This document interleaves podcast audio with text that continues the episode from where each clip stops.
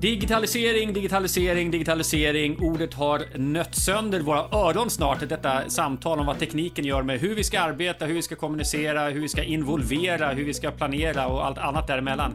Eh, men vad är det här egentligen handlar om och framförallt vad handlar det om i ett kommunalt sammanhang? Eh, idag har vi besök av Petra Sintorn som jobbar på Botkyrka kommun med de här frågorna. Varmt välkommen till Framtidsstudion. Tack, roligt att vara här. Eh, Petra, berätta, eh, vad, vad, har du för titel och vad har du för uppdrag i Botkyrka? Ja, men jag är ganska ny på min eh, position. Jag jobbar som biträdande enhetschef på en enhet som är en sammanslagning kan man säga av olika eh, tidigare enheter. Eh, och eh, vi jobbar med digitaliseringen i Botkyrka kommun, bland annat. Vi jobbar också med infrastruktur och drift och, och alla de klassiska IT-frågorna också. Just det, och du säger som ödmjukt här att du är ny på din, på din post, och så är det ju. Men du har en hel del erfarenhet av att jobba med den här typen av omställningsarbete.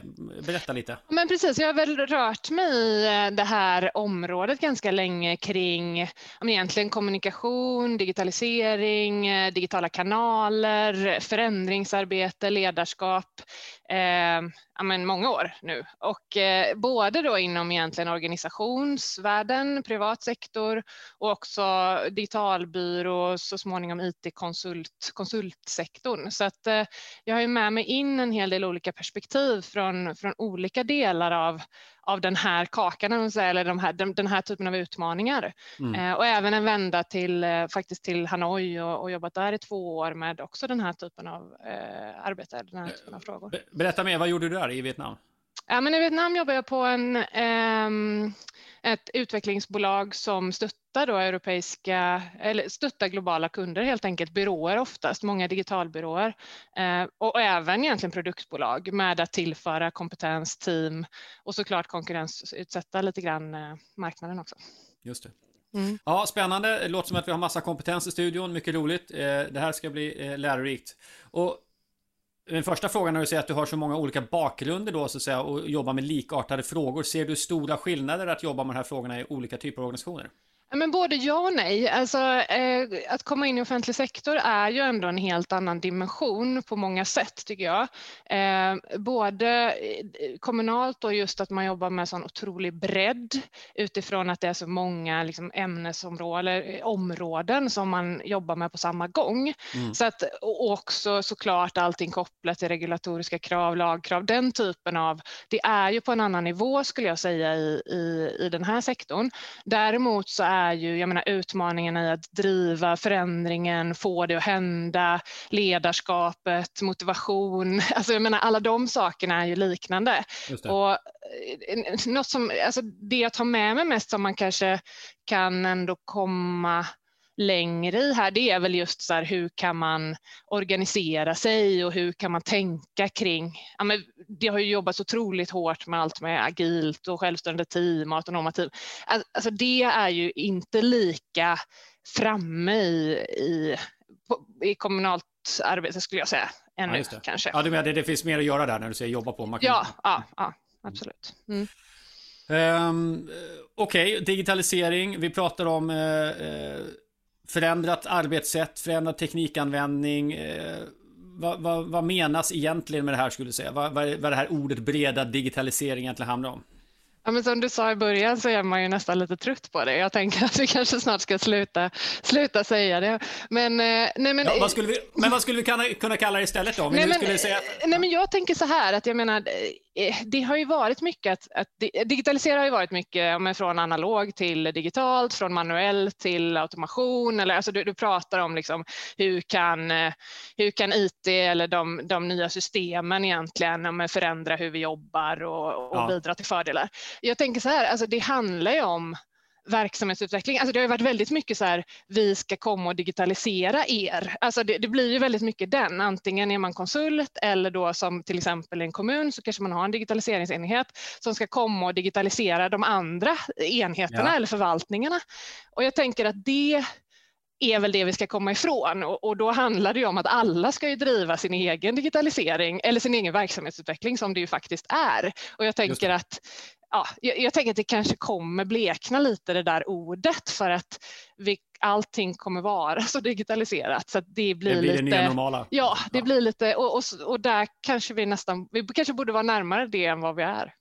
Okej. Okay. Ja, för nu tänker jag, nu lyfter du också någonting som man kanske ska klargöra. För som jag uppfattar eh, din erfarenhet så att du är ju inte teknikexpert i första hand, utan det är det här eh, hur får vi till verksamhetsförändringen som gör att det här fungerar? Ja, men absolut. Så jag menar, det är inget snack om att man behöver såklart eh, teknisk kompetens för det här. Alltså jag menar, i det avseendet är det klart att man alltid behöver tillföra kompetens till ja. till exempel en HR-avdelning. Det är klart att inte man ska kunna tekniken på djupet. Det är inte så jag menar. Det jag menar är ju att, att ha förmågan att se hur tekniken kan bidra till förbättringar och att det inte liksom ska vara en, en liten grupps arbete att se hur kan den förbättra, utan att det ska vara en kompetens eller någonting som alla kan egentligen i sin profession oavsett. För att det är att utveckla och förbättra din egen verksamhet. För idag blir ju det oftast med hjälp av teknik eller digitalisering.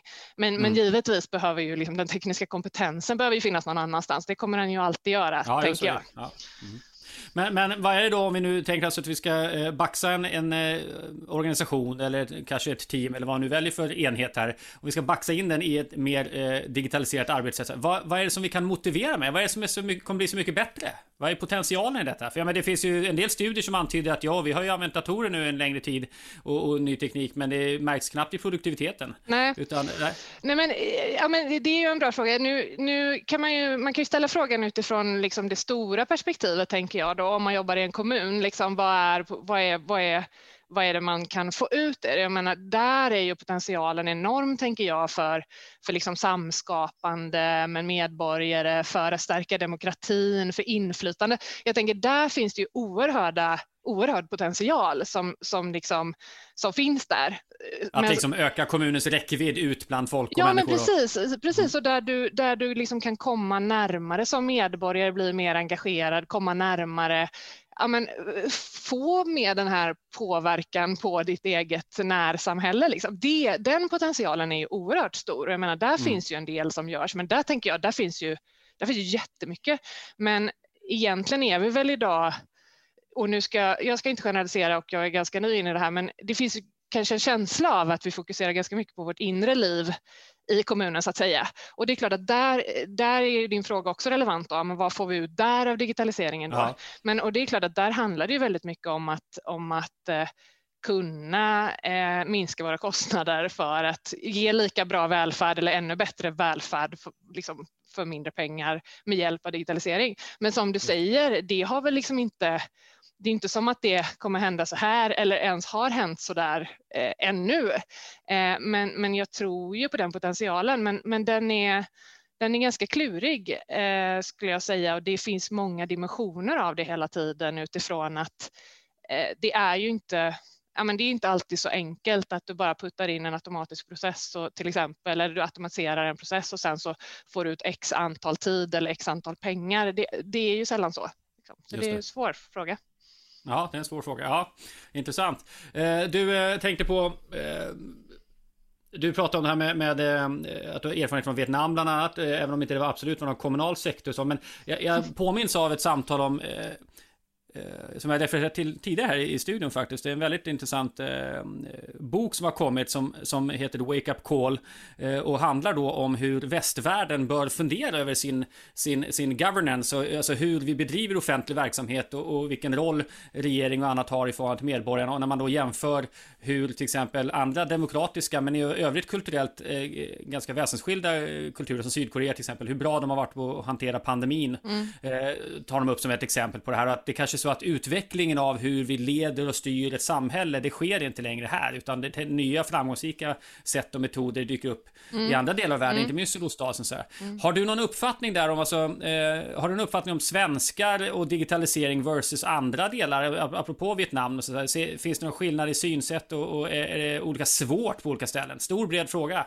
Men, men det, här är, det här är ju någonting om hur vi tvingar fram system och jag tänker liksom på, vi gjorde en studie för några år sedan när vi tittade på skolans utveckling och digitalisering centralisering och det som slog mig bland annat var att vi jämför så ofta med, eller man tar gärna upp Sydkorea till exempel som mm. ett bra mm. land för utbildning. Mm. Ja men där hade man också centralt styrt upp att du kan plugga hela eller stora delar av fall läroplanen hemma på en digital plattform och det är staten som står för det. Det är inte mm. massa mm. privata mm. eh, leverantörer som, utan, utan idén är eh, att du kan gå hem och, och, läsa på och läsa vidare och då gör man ett centralt beslut av det, vilket jag tycker är en av de kanske skillnader ibland mellan de moderna staterna borta, att det är mer centraliserat på ett sätt, saker som vi kanske har lämnat. Stor bred fråga, associationer här liksom. Men, men har någon tanke om det liksom? Är, är, vi, är vi slappa i att föra in sådana system för att vi ser på medarbetarnas inflytande? Eller finns det andra sätt? Oj, nej, men det är ju ett jättespännande resonemang. Um, jag, jag, tror inte jag kan drista mig till att, till att uttala mig sådär kring, kring Asien i det avseendet kontra oss. Det jag tänker som, man, som ofta slår en, det är ju och där kommer vi in på just eh, liksom användarperspektivet och användarcentrerad eh, eh, använda, att ha en, vara riggad för en användarcentrerad organisation eller bygga användarcentrerade tjänster och sådär. Och, och där mm. tänker jag att med tanke på vad du säger så där kan man ofta tänka i olika sektorer att ja, men tänk om vi nu bara hade tittat på vad behovet var, så att säga. Om, vi, om vi hade tittat på vad, vad, är en medborgares behov när det gäller att man blir sjuk och kunna komma eh, till sjukvården till exempel. Alltså, ja. hur, skulle, hur skulle den vägen se ut? Och, och, det ger ju en väldigt intressanta tankar, för det är klart som du säger att vi har byggt upp, upp strukturer, vi har byggt upp organisationer som är riggade på ett visst sätt en tid då det såg ut på ett visst sätt så att säga. Mm, mm. Och det är klart att där tror jag det finns, det, där finns ju någon, något intressant exempel av eh, någon flygplats, jag tror det är Köpenhamn, som har verkligen så här backat massa steg sett, okej, okay, hur ska vi skapa ett, en bra, ett bra flöde liksom från att du ska flyga tills att du kommer iväg? Och det är ju en helt annan upplevelse liksom där man bara, ha, det var ja, jag behöver inte stå i någon kö här, jag behöver inte göra de här grejerna, varför gör jag egentligen dem? Så, där. så att det där att skala ner och se vad, vad, är så att säga medborgarnas behov och hur kan vi bäst tillgodose dem. Där tror jag att det finns jättemycket att göra. Jag tror det handlar mycket om att liksom skala ner, skala bort och våga ifrågasätta saker som är som vi tycker är givna att man ska göra på ett visst sätt. Men, men det är mm. inte så himla lätt, eller det är väldigt, väldigt svårt och, och särskilt när det är kanske då den typen av frågor som rör liksom, eh, hur landet organiserar sig. Alltså det blir ju en väldigt, eh, väldigt svåra frågor att ta sig an. Men jag tycker vi har i och för sig flera myndigheter också som har lyckats bra tycker jag med att, att skapa väldigt, väldigt bra användarvänliga tjänster och en väg in och, och du, du faktiskt kan göra saker på ett väldigt bra sätt. Men det skulle vi nog behöva göra inom fler områden och på, på fler ställen. Eh, sen tycker jag när det gäller pandemin så har man ju också eh, även om man kan alltid diskutera om man har hanterat det, men man har ju ändå sett prov på mycket nytänkande och mycket omställning och mycket så, så, så att man får väl också plocka vi får också titta på dem. Ja, men vi ställde i ordning Älvsjömässan på hur många dagar? Nej, men det finns ju liksom saker vi har gjort som är ändå jätte, jätte häftiga och som man kan tänka, mm. okej, okay, vi kan tydligen ställa om snabbt. Vi kan tänka, vad är det som behövs just nu? Så, mm. så, att, så att, mm. Har det här arbetet med att föra in den här nytekniken, har, tror du att den har blivit lättare nu efter pandemin? Alltså vi har alla upplevt att organisationen förflyttade sig ganska fort. Tror du att det blir lättare framöver? Ja, men det tror jag. Ja, jag tror det. Mm. Jag tror det. Jag tror att behov och också eh, att kunna se och liksom applicera Eh, det i sin egen verksamhet eh, och, och liksom tänka utifrån det perspektivet. Ja, men vi skulle kunna göra på det här sättet för, för det eh, Ja, jag, jag, tror, jag, tror att det kommer, jag tror att det kommer rulla på i, ändå i lite högre takt och jag tror att man kommer se mer möjligheter och, och mer i, liksom i olika verksamheter och sektorer. Det tror jag mm. definitivt.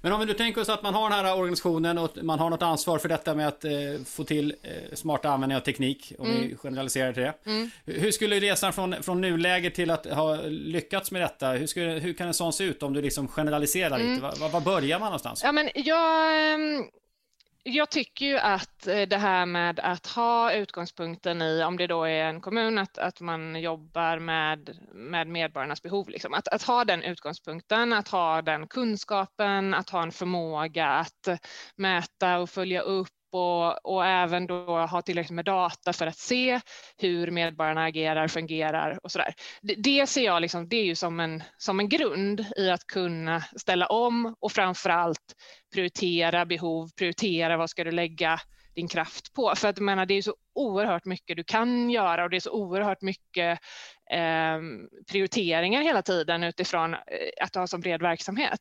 Så jag tänker grunden där tycker jag är att, att ha eh, ha de här medborgarbehoven och, och liksom kunna mäta och följa upp dem på olika sätt som en grund. Ja.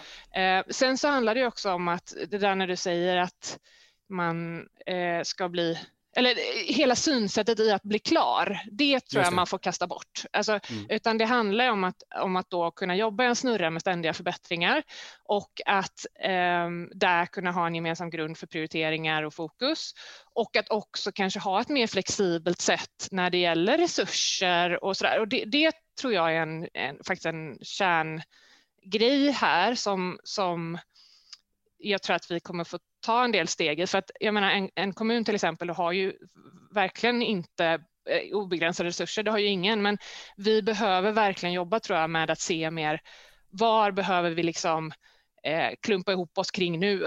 Ja, men nu behöver vi samla oss kring den här prioriterade frågan. Och så jobbar vi med den ganska intensivt. Och då tillför vi liksom de kompetenserna som behöver vara där. Det, det, det tror jag är en nyckelfråga i att kunna hantera de här sakerna, för vi behöver ju både den här fokuskompetensen som finns inom äldreomsorg till exempel. Du behöver teknikkompetens, du behöver förändringsledning, du ja, de här grejerna och så kör ja. man. Eh, idag är det ju mycket, det är mycket silos och det är mycket så att eh, ständig förbättring och en förmåga att sätta ihop, jobba tvärfunktionellt eh, ganska fokuserat, det tror jag. Men då måste man så stannar bara, mm. du ska så fortsätta, men tänkte, det låter för mig som att i princip skulle digitalisering eller smartare teknikanvändning eller vad som helst ju förändras av om vi jobbar på ett annat sätt. Det spelar ingen roll vad vi vill stoppa in i systemet eller hur vi vill baxa systemet. Nej. Det är en annan, en annan, arbetsprocess. Ja, men så ser jag det. Absolut. Jag ser, ja. jag ser inte det som... Det är klart att digitaliseringen, eller just att använda tekniken på det sättet är är unikt på ett sätt, det vill säga den tekniska kunskap du behöver tillföra. Men, men nej, jag ser inte det. Det tycker jag är en generellt sätt som vi skulle behöva jobba på för att mm. åstadkomma mer värde tror jag, eh, mm. ut till medborgarna. Eh, men sen så en annan, en annan sak där också, om, om man tänker då, ja, men medborgarfokuset och, och koll på dem, eh, ett, ett, en ständig förbättring och en förmåga att liksom samlas kring det som är viktigt att prioritera. Sen mm. tror jag också den här förmågan att jobba Eh, stort och litet på samma gång eller stort och smått på samma gång. Alltså du måste driva liksom de, de, strategiska frågorna, du måste veta vad som händer med olika lagkrav och så. Väldigt, väldigt viktiga saker hela tiden. Du måste ha ja. en, en IT-policy, du måste inte ha det, du måste ha olika typer av policies och strategier ändå. Mm. Eh, men du måste också kunna göra små, små förbättringar hela tiden, det vill säga du kan inte liksom bli paralyserad av att du måste skaffa allt det här stora och du kan inte heller bara göra små saker. Så eh, den, liksom, eh, den tycker jag är intressant, eh, för, det blir oftast det här att nu måste vi jobba fram alla de här strategierna innan vi kan börja. Liksom. Men det är samspelet där, jobba både stort och smått tror jag, och ha förmågan att göra det hela tiden. Liksom. För de små sakerna som hela tiden sker, förbättringarna, mm. är ju jätteviktiga. Och vad, vad, får den att lyckas med det? För jag förstår vad du menar där. Att jag tänker att det är lätt som organisation eller framförallt kanske som enskild beslutsfattare att man tycker att man, man antingen simmar man på den översta nivån liksom och håller koll. Det är mycket nog att hålla koll på. Men sen dessutom då förmåga att fokusera ner när det ska göras då en sån här liten Eh, snabba framsteg på en viss... Nu ska vi utveckla ett nytt sätt att jobba för just vård, eller vad det äldreomsorgen skulle vara för någonting. Alltså har du sett någon eh, lyckad typ av organisation kring det? Har du något tips att ge liksom? Hur, hur gör man? Eller är det bara en, är det bara en mental inställning, måste säga? Ett sätt att hantera sin kalender? Eller finns det något... Nej men det är klart att det är eh, till viss del så här ett teoretiskt resonemang eller kanske en, en utopi om hur man vill att det ska vara. Men jag tror ju ändå att, att det handlar ju väldigt mycket om att du eh, har eh, de här styr, styrmedlen eller de, de riktlinjer och policies och sånt och mål och så, att, att du har dem ganska levande och att de finns som ramar för verksamheten och där har du ju en, en ledning som är ansvarig för det.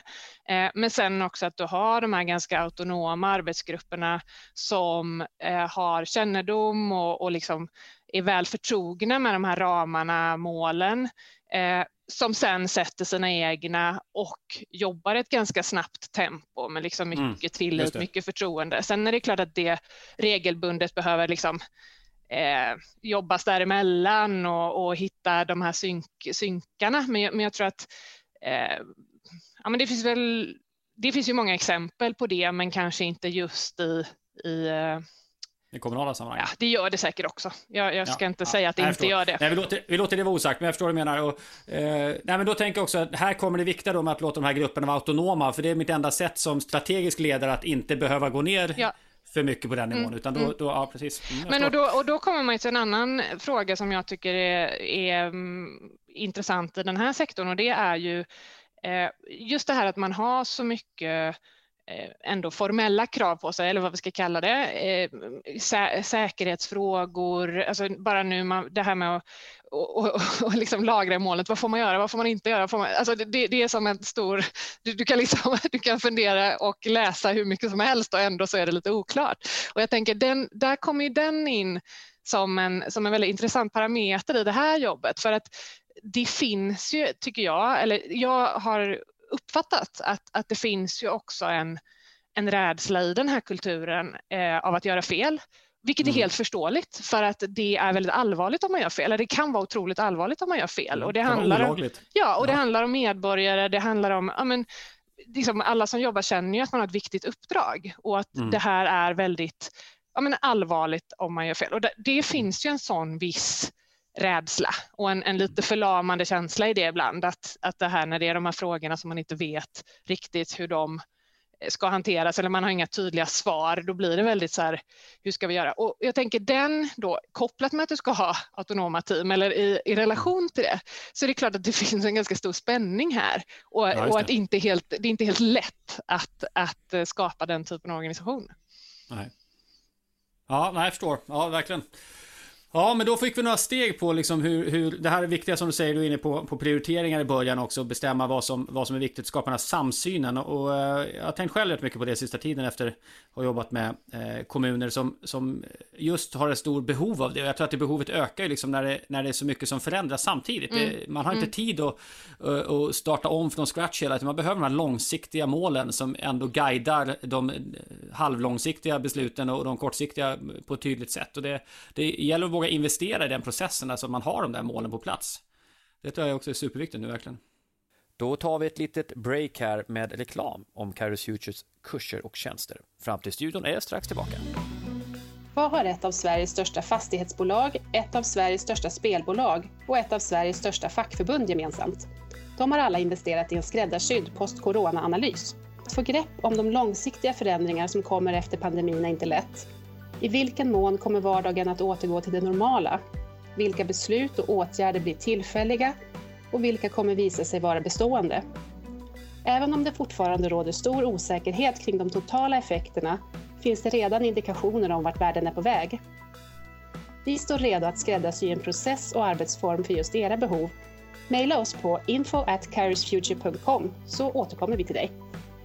Du, eh, en annan sak var att du var ju nyss på de här e-förvaltningsdagarna. Mm. Offentlig sektor och leverantörer av teknik och processer på olika sätt. De möts kring de här frågorna. Mm. Eh, mm. Vad fångar du upp där som du tycker är intressant? Mm. Nej, men det är nog lite det jag var inne på här. Alltså den där spänningen mellan de här lagkraven, den typen av saker som man ska kunna nå upp till, eh, ha kompetens inom för att inte göra fel och för att veta att man, att man gör allting enligt konstens alla mm. regler. Det är liksom en eh, jättestora frågor som diskuteras jättemycket eh, och där behöver ju också varje kommun liksom ha expertis, man behöver ha ganska djupt kunnande så det ställer väldigt höga krav. Och sen då finns den här andra delen i att oh, vi måste bli mer agila, vi ska vara autonoma, vi måste ha det här moderna ledarskapet och, och liksom hela den såklart finns ju, mm. pratas ju jättemycket om här också. Hur ska vi liksom kunna leverera ännu mer och hur ska vi medskapa med medborgarna och så här. Så jag tycker det är en intressant, det är ju mm. en väldigt intressant dynamik i det för att det, det säger ju verkligen hur stora krav det ställer på och jag menar, då jobbar jag ju nu i en ganska stor kommun. Eh, Botkyrka kommun är ju en stor kommun. Så ja. vi har ju liksom säkert relaterat till en del andra ganska stora möjligheter att faktiskt ha all den här kompetensen. Men det är ändå svårt liksom, för att mm. det är det är mycket mycket på samma gång och det är ganska olika typer av kompetens också om man tänker det här att verkligen hålla koll, göra allting enligt hur det ska vara. Och sen det här, nej men vi ska också vara agila, vi ska testa hela tiden, vi får misslyckas, vi ska ut med saker snabbt. Alltså du vet hela det här agila arbetssättet och det, de tankarna. Så det, jag tycker den spänningen tycker jag är väldigt intressant och jag tycker den märks också på de här dagarna i ja, men olika typer av talare och olika typer av spår. Så den, den, ja, den dynamiken tycker är spännande. Ni har ju en, eh, en, en, eh, intressant profil också, så att ni har så många människor som pratar så många olika språk bland annat. Mm. Alltså tillgängligheten till, mm. till kommunens material och så vidare mm. blir, blir en större utmaning för er än för vissa andra kommuner, eller mm. många andra kommuner kan jag mm. säga. Och nyligen fick jag eh, insikt om att det finns ett tillgänglighetsdirektiv.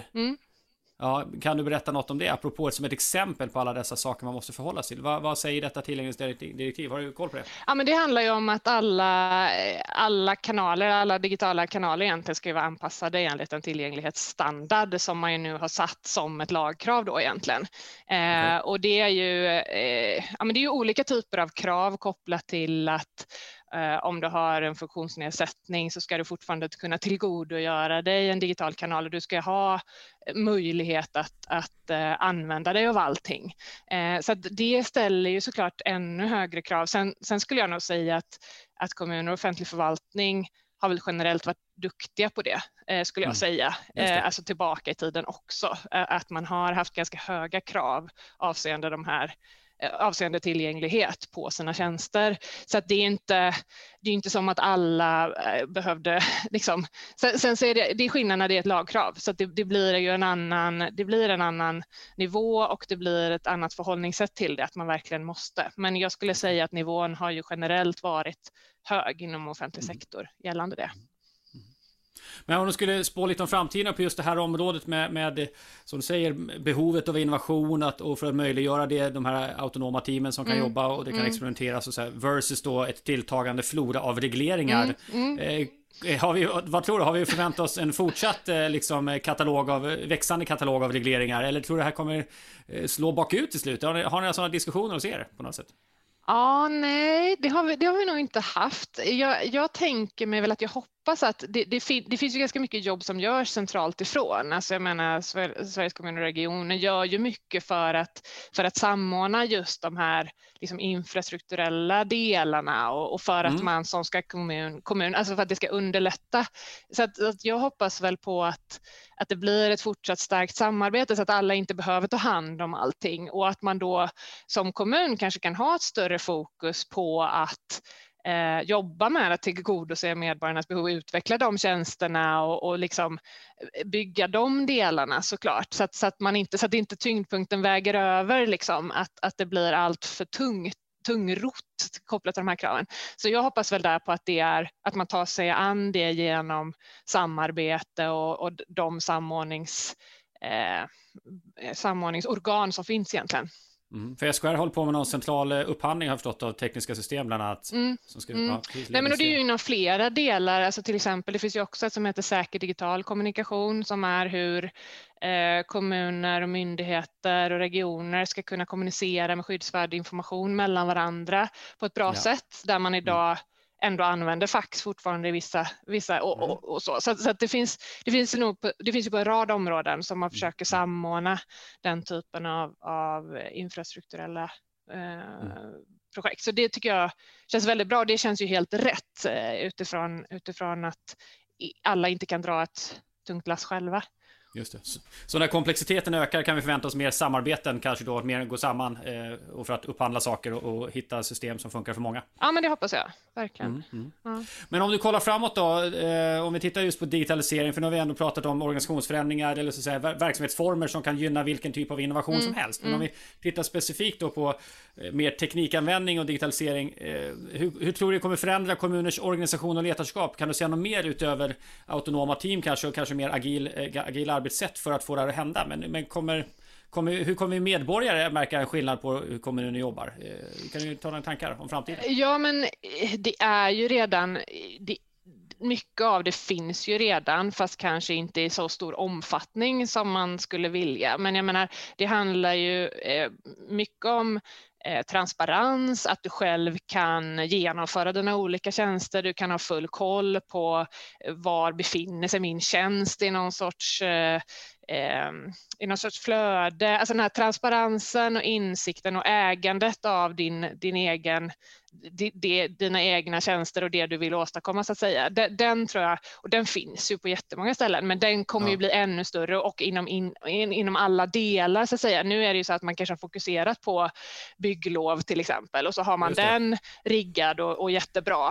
Men, men när det är någonting annat så, så kanske det inte finns där. Så att jag tänker att det är ju såklart sådana saker som, så det är ju inget nytt på det sättet, men att det kan bli ännu bättre och ännu mer. Det är väl mm. en del, att du som medborgare känner att du, du, liksom, du har full koll på det här och det är inte att du bara skickar in någonting som försvinner någonstans utan mm. du vet vad som händer och det finns en transparens i det. Eh, det tror jag, det är väl en ganska självklar mm. sak. Men... Jag tänker apropå det du sa förut, det här med att eh, tänka kund eller användarcentrerat då. Mm. Eh, mm. Att där är ju något skifte också hur man, om man, om man beter sig som en myndighet som mm. liksom har myndighet över mm. folk då, eller om man ser kunden eller användaren så. Och, och, det du beskriver tänker jag själv också, det är, alltså kommuner är ju, de har ju två ben att stå på, det ska vara en myndighet. Ja, alltså, ibland är det bara så här, det här som gäller och i ja. andra lägen så är det, absolut. hur vill du ha det? Hur kan vi hjälpa dig så att säga? Hur kan vi, Men oavsett ska du ju som eh, medborgare känna att det känns rättssäkert, att du mm. kan ha insyn, att du mm. förstår vad som händer, att det hanteras förhoppningsvis på ett modernt och, och liksom snabbt sätt. Att, att, det, det, så här, de delarna har man ju ändå eh, ganska höga krav kring med all rätta tycker jag. Mm. Um, så, så, där mm. finns det mycket och det finns ingen anledning att det inte skulle vara så. Alltså, äh, så vi behöver komma dit. Uh, sen så det jag pratade om innan med eh, men som man kan kalla samskapande eller ja, det finns ju säkert många fina ord kring det, men, men just att, att bli mer eh, inbjudande eh, i eh, olika typer av påverkansinitiativ och sådär. Och det är inte heller kopplat direkt till digitalisering, men jag tänker att det kan få stora effekter på digitalisering, för det kan ju handla mycket om den typen av frågor såklart. Sen har vi ju hela välfärds, alltså jag menar vi har ju hela, eh, vi har ju jobbat med Eh, nyckelfri hemtjänst till exempel. Eh, den, den, typen av eh, att använda modern teknik i digital tillsyn och, och sådana saker finns ju också såklart. Som. Mm. Ja, för vi har pratat tidigare här i, i Framtidsstudion om nära vård. Idén om att det blir mycket mer avancerad sjukvård hemma. Nu är inte det kommuner som avancerar sjukvården inte. Men, men eh, även om vi kanske pratar om en mer, mer sjukvårdspersonal nu i äldreomsorgen efter de senaste månadernas erfarenheter. Men även äldreomsorgen kommer bli mer, tänker jag, hembaserad då. Eh, eh, Testas det någonting nu som du känner till? Några experiment eller några, några alltså studier på hur det skulle kunna funka i, i liten skala någonstans? Någon ny hög teknikanvändning? Det, alltså det vi har gjort är ju eh, just uh, nyckelfri hemtjänst, det vill säga att man har uh, digitaliserat det. Man har uh, kameror för nattillsyn till exempel. Mm. Så jag tror det pågår mycket, väldigt mycket sånt ja. nu i, på, på många håll. Ja. Men det är spännande för det är också det är också en otrolig omställning i hur du jobbar och hur du, vad du behöver kunna på ditt arbete. så så, ja. så det är väldigt intressant det här med eh, ja, in, det, det, går inte bara att någon kommer och digitaliserar den sektorn så att säga, utan Nej. alla som jobbar där behöver ju få den kompetensen och viljan och se, det, se, se vad som är bra med det. Mm.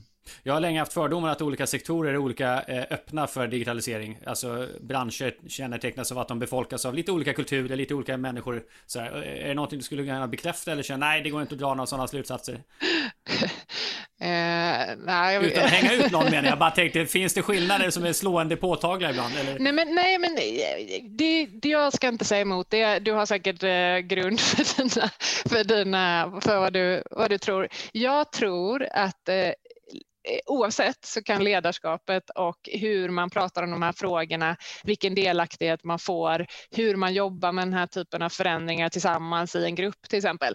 Eh, oavsett då var man står från början, där det kanske är absolut att man står stå på olika ställen från början. Men jag tror ju att, att eh, genom att skapa så att säga, involvering i det här och, och skapa en förståelse för, för vad det kan innebära så tror jag ju att man kan så tror jag att de flesta kan tycka att det är spännande att få förändra sin verksamhet på ett, ja. mot mer digitalisering. Mm. Jag vill bara förtydliga mig, jag sa inte att någon eh, bransch var liksom utdömd och helt hopplös, det var inte min poäng med att det kan Nej, finnas Jag förstår vad du menar, men jag tror ja. att man kan med eh, rätt typ av ledarskap och arbetssätt eh, förändra det oavsett eh, vilken arbetsyrkesgrupp börjar närma oss att runda av här, men, men jag har några frågor kvar som, som ligger och eh, väntar här. Eh, den första är hur viktigt är det att vi klarar av den här eh, digitaliseringen för att vi ska kunna behålla välfärden på en nivå som medborgarna tycker är tillfredsställande? Men helt eh, nödvändigt skulle jag säga. Eh, det, och, och, det finns ingen annan väg tror jag heller. Alltså det, det är inte eh, saker förändras, tekniken utvecklas, eh, förväntningar och behoven eh, finns där och kan tillgodoses. Så jag, jag tror att det, det, det, är helt nödvändigt och det går liksom inte att, att inte göra det. Det handlar väl mer om att prioritera, göra rätt saker och vilken takt man orkar hålla, tänker jag. Mm. Mm.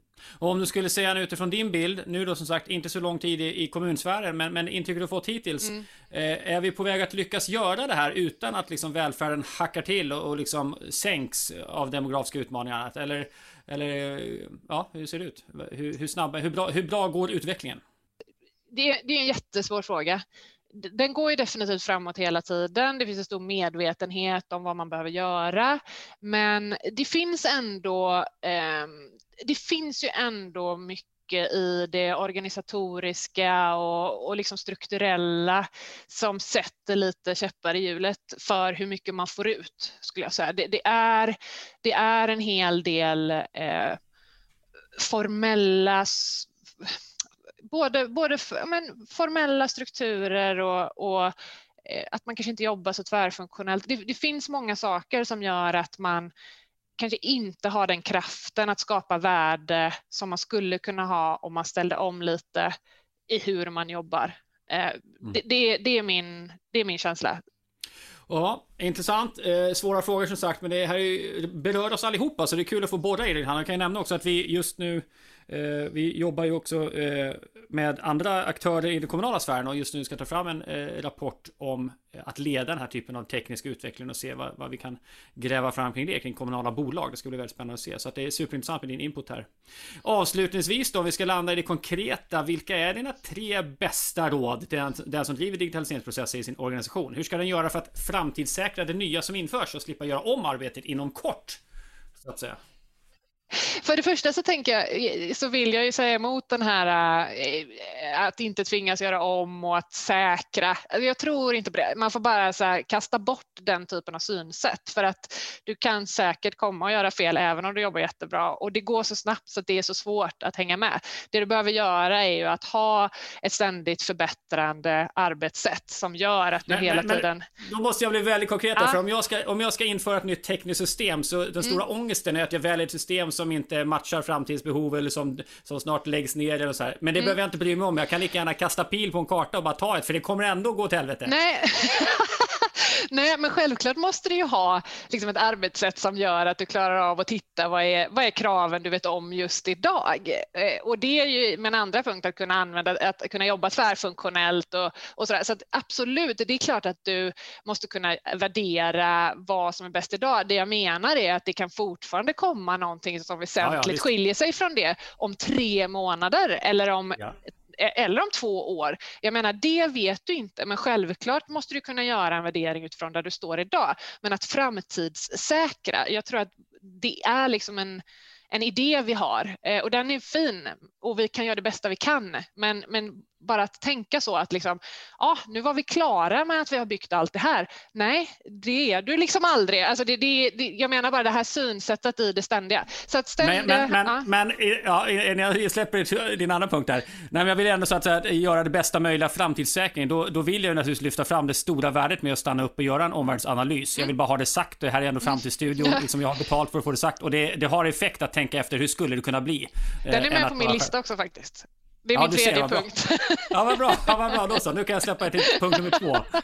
Perfekt gäst. Ja, Utmärkt. men första punkten var ju ständig förbättring och ha ett sådant Ja. arbetssätt. Eh, andra eh, punkten är att arbeta tvärfunktionellt och att ha förmågan att liksom sätta ihop de kompetenser, de personer som behövs. Inte bara de som jobbar i just den här silon och har just det här uppdraget, utan tänka brett, tänka tvärfunktionellt.